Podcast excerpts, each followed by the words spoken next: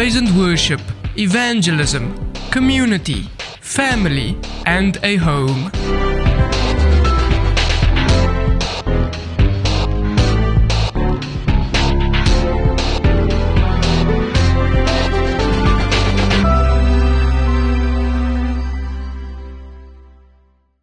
To support this and other programs, you can make use of EFT, Zapper, or SnapScan. We are available on YouTube, Apple Podcasts, and Spotify. Proofing faith, proving God. Faith and belief as a concept have often been conflated or mistaken one with the other.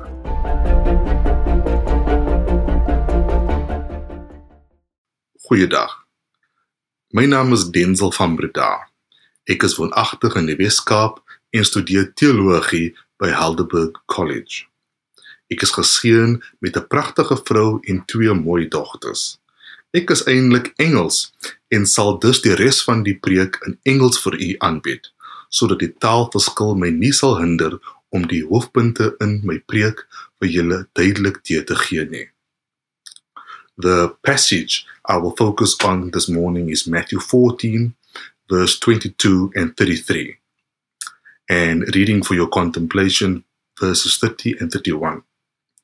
But seeing the wind, he became frightened, and beginning to sink, he cried out, Lord, save me. Immediately Jesus stretched out his hand and took hold of him, and said to him, You of little faith, why did you doubt? The title of my sermon is Proofing Faith, Proving God. Faith and belief as a concept have often been conflated or mistaken one with the other. We commonly refer to the pious and the religious people amongst us as people of faith. Some belief systems do allow its adherents to passively hold their beliefs where the believer requires no faith and no action. Faith for the Christian is an integral part of their belief system. We can say that belief without an experiential relationship with God would never produce faith. Faith in God is a product of who God is. If you are unconvinced of the claim of Jesus' divinity, then you cannot have faith. Likewise, if you do not have faith in Jesus, then you cannot truly believe in him and most likely are not a Christian. Faith, as I will demonstrate today, is attached to the subject of the belief. It requires action and demonstrates trust in the attributes of that which is believed. Belief can also be false and faith misplaced. The difference between believing and knowing is often a matter of testing. How then do we know if we have faith and how do we develop it? Paul in Hebrews 11, in the famous chapter on faith, describes what it means to have faith and what it does to the believer. He shows how God uses extraordinary trials to change his people from just believing to actionable faith. If we believe, then we must trust God. We have to see it work and we have to see it worked within us. Faith is what transforms a passive belief in God into an active, dynamic relationship of trust that is only gained through testing. When we observe a metalsmith developing steel, to make the steel, he selects and works the best possible metal for a specific tool. He has to be sure that the quality of the metal he uses is of the best grade, so that whatever tool he makes, it is fit for purpose and can withstand whatever pressures is needed for that job. He does this by heating the metal in fire until it is glowing hot. At this point, the metal becomes malleable and can be shaped into whatever form is required. The smith, when satisfied with the heat and shape, quenches the hot metal in cold water. This process of proofing steel realigns the carbon elements in the metal and transforms the brittle material into hardened steel. This process does not only test the viability of the piece, but also gives it its strength. Just like Moses, Joseph, Joseph and Elijah, the way they were tested by God in proving fire, so too the disciples required proving to test and develop their faith in Jesus. Matthew 14, Mark 6, and John 6 all records this remarkable account of proving, testing, and proving. We follow Jesus and his disciples at the height of his popularity, having just dramatically displayed his power by feeding thousands of people a miracle meal. John 6 records the excitement and anticipation in the crowd that was building and growing bigger each day. Jesus to this masses and the disciples seemed to meet all the criteria of the promised king and deliverer expected by these maligned and desperate people. Things were falling in place and were rapidly progressing. The healing of the infirm, the raising of the dead, and now demonstrated to all the ability to feed masses that would support his rise to power. For those witnessing and participating in this growing movement, Jesus surely was the one that was promised. As a frenzy to crown him king ensured, the victory must have seemed imminent to Jesus' closest disciples. Now, at this juncture, Jesus recoils, seemingly frustrated and disappointed at the reaction of his followers. He sends the crowd away and retreats to the mountain to pray alone. We can just imagine how the atmosphere built up over the days, and now suddenly Jesus deflated it like a balloon. The wilted twelve were commanded to board a boat and were forced to leave the scene still pulsing with excitement.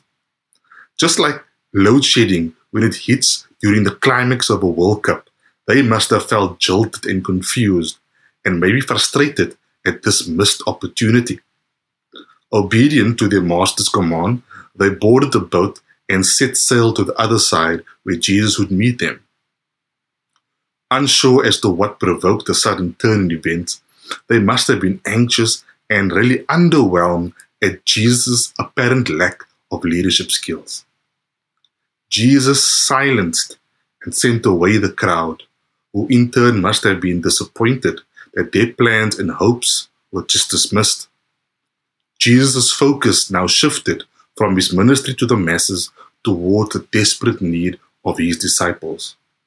Jesus himself may have been feeling disappointed and frustrated as he sought the will of his Father. For the disciples, the trip across the lake should have been a very banal and straightforward one. Amongst them were seasoned seamen who were more than capable of making this journey along the shore. Turning in their minds were questions about this very strange command to leave the crowd and sail across back to Capernaum. Questions about Jesus and his wisdoms were starting to tick over in their minds just when their faith and efforts in his mission seemed to be producing the kinds of fruit they had expected. He stops it right there. I wonder what the conversations on the boat were. Were they discussing all that they have seen and done? Were they squabbling over who would ascend to the most prominent position in the kingdom? Or were they openly questioning the decisions of Jesus and reinforcing each other's doubts. They now found themselves pulled out to the middle of the sea by strong winds and waves. Blown off the course that should have taken them about only three to four hours, now turned into a nightmarish battle for survival. The howling winds and crashing waves grew bigger, the sea more and more violent. Their boat was now bouncing rattling, and buckling under the force of the storm. Their frustrations and confusions with the mission of the kingdom now seemed to be heightened and echoed by the storm. The more they strained at the oars to steer the boat to safety, the more they seemed to be sucked deeper into these threatening waters. It has now grown black and angry. For hours they tried their best to maneuver in the churning water, screaming instructions at each other over the roaring wind, but all their efforts and strength was no match for this tempest that now surely would swallow them into a watery grave. Ellen White, in the book Desire of Ages says that this storm that they encountered was, in fact, a reflection of the storm that was raging within their hearts and minds. Just like their expectations were mirrored by the reaction of the crowd, and their belief in a rise of an earthly kingdom was matched by the arousal of revolution in the masses. They were now faced with a sudden stop of their hopes and dreams. They were unsure of what Jesus' intentions were. This storm was reminiscent of a storm they once faced before, where Jesus, found asleep in the bowels of the ship, was able to abate their fears and miraculously calm the storm. Jesus was not on this ship, and they would have turned to him in an instant if he was to calm the storm. They would have known that he could have saved them, could have made the journey with him safely. And he was not on the ship. He was nowhere in sight. No one present could calm the storm. Now the anxiety turned into stress and absolute fear. Fear turned into anger and accusations. Did their master send them out here to die? They'd given up all hope and resigned themselves to their fate. For hours, their minds and hearts worked as hard as their body, beating against the wind and waves, struggling with their will and unbelief and questions that turned over and over in their minds. Jesus, however, was praying to the Father. The subject of his prayer were the men in this boat. Jesus wanted them to have clarity of thought and a firm faith in who he was and in his mission. Instead, their minds was like the boat tossed on the sea, directionless, in danger of being overcome by waves of doubts, unbelief, and confusion. Jesus had progressively revealed himself to these men, yet they were unable to grasp the magnitude of his role on earth. Some were seeking acclaim and power, while others were seeking rebellion and political upheaval. Some were seeking wealth and prestige, while others were seeking religious purity and piety. None of them had their heart desires in line with that of their master. Jesus saw them from where he was praying on the mountain. Through the darkness, across the sea, he focused on their feeble attempts and worn out will. He knew what was in their hearts and minds. They were unable to see through their unbelief and selfish desires their belief in Christ was misplaced and contaminated with their will and desires of the masses. They were lost, truly lost, and didn't know it. Jesus would have, would have to demonstrate their lack and have to help them along to where he wanted them to be. A lone figure was now spotted on the water walking towards the boat. The disciples totally emptied of their rational senses and belief, relied on their most base instincts and superstitions. A primal fear was felt shuddering through their bodies, worse than the fear of drowning. An apparition, a ghoulish ghost, has come to claim them. This was what they were reduced to. Just a few hours ago, they were on top of things, ministering alongside their rabbi, at the height of their spiritual ascent, casting out demons and healing the sick. Now they were left cowering in fear, dejected, and robbed of all hope.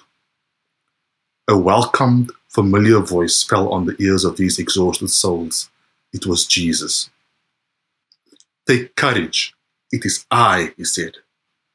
At that moment, hope entered the hearts of the disciples. They knew that help has arrived. They knew that Jesus was there to save them. He became the focus of their desires. All that mattered at that moment was Jesus walking towards them on the water. Peter instinctively called out to the figure and asked to be close to him because it was safer on the water by Jesus than in this boat. In Peter's great distress, logic and reality seemed to disappear. All he wanted was to be close to the one he knew could calm the sea the one who had the power to banish any ghoulish spirit. Instinctively, Peter knew that the water was as steady as the ground compared to the hood of the ship because Jesus was there.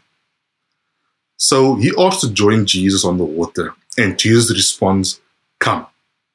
As Peter left the boat, his feet found steady footing on the waves, and he made his way to his Savior. Now, at this point, it would have been good and great if he made it all the way to Christ, and perhaps even urged the rest of the disciples to step out on the water with him. But Peter reflected human nature and unbelief, the unbelief of the rest on the boat.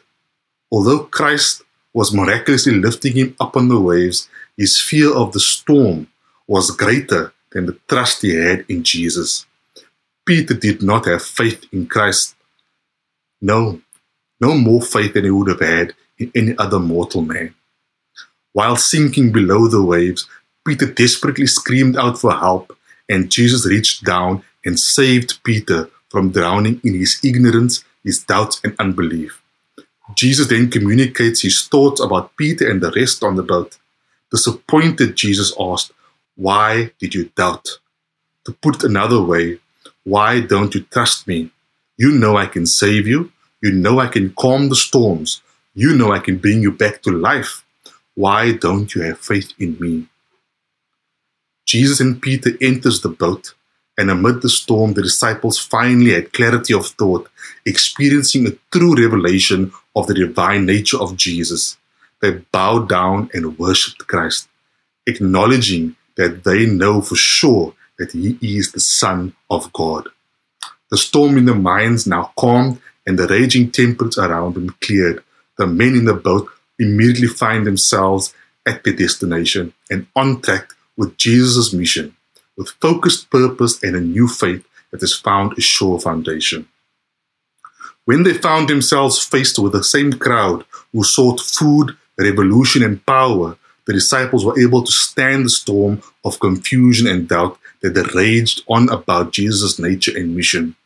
When the crowd had left and deserted Jesus and shunned him as a fraud, these men of faith were able to stand firm on the side of Jesus for the first time understanding what their part in Jesus was and growing in faith.